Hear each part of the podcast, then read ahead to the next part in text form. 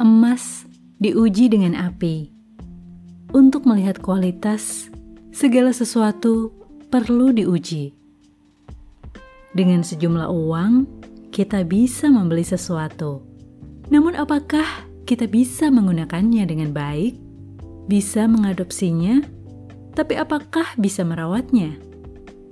Bisa memilikinya, tapi apakah bisa menjaganya? Jangan sampai di tangan justru kita yang merusaknya. Kita perlu bertanggung jawab pada setiap keputusan yang diambil. Bukan karena sudah dipercaya, sudah ada di tangan kita, lalu menjadi semena-mena. Bukan hanya orang lain yang akan dirugikan, nama baik kita pun akan tercemar. thank you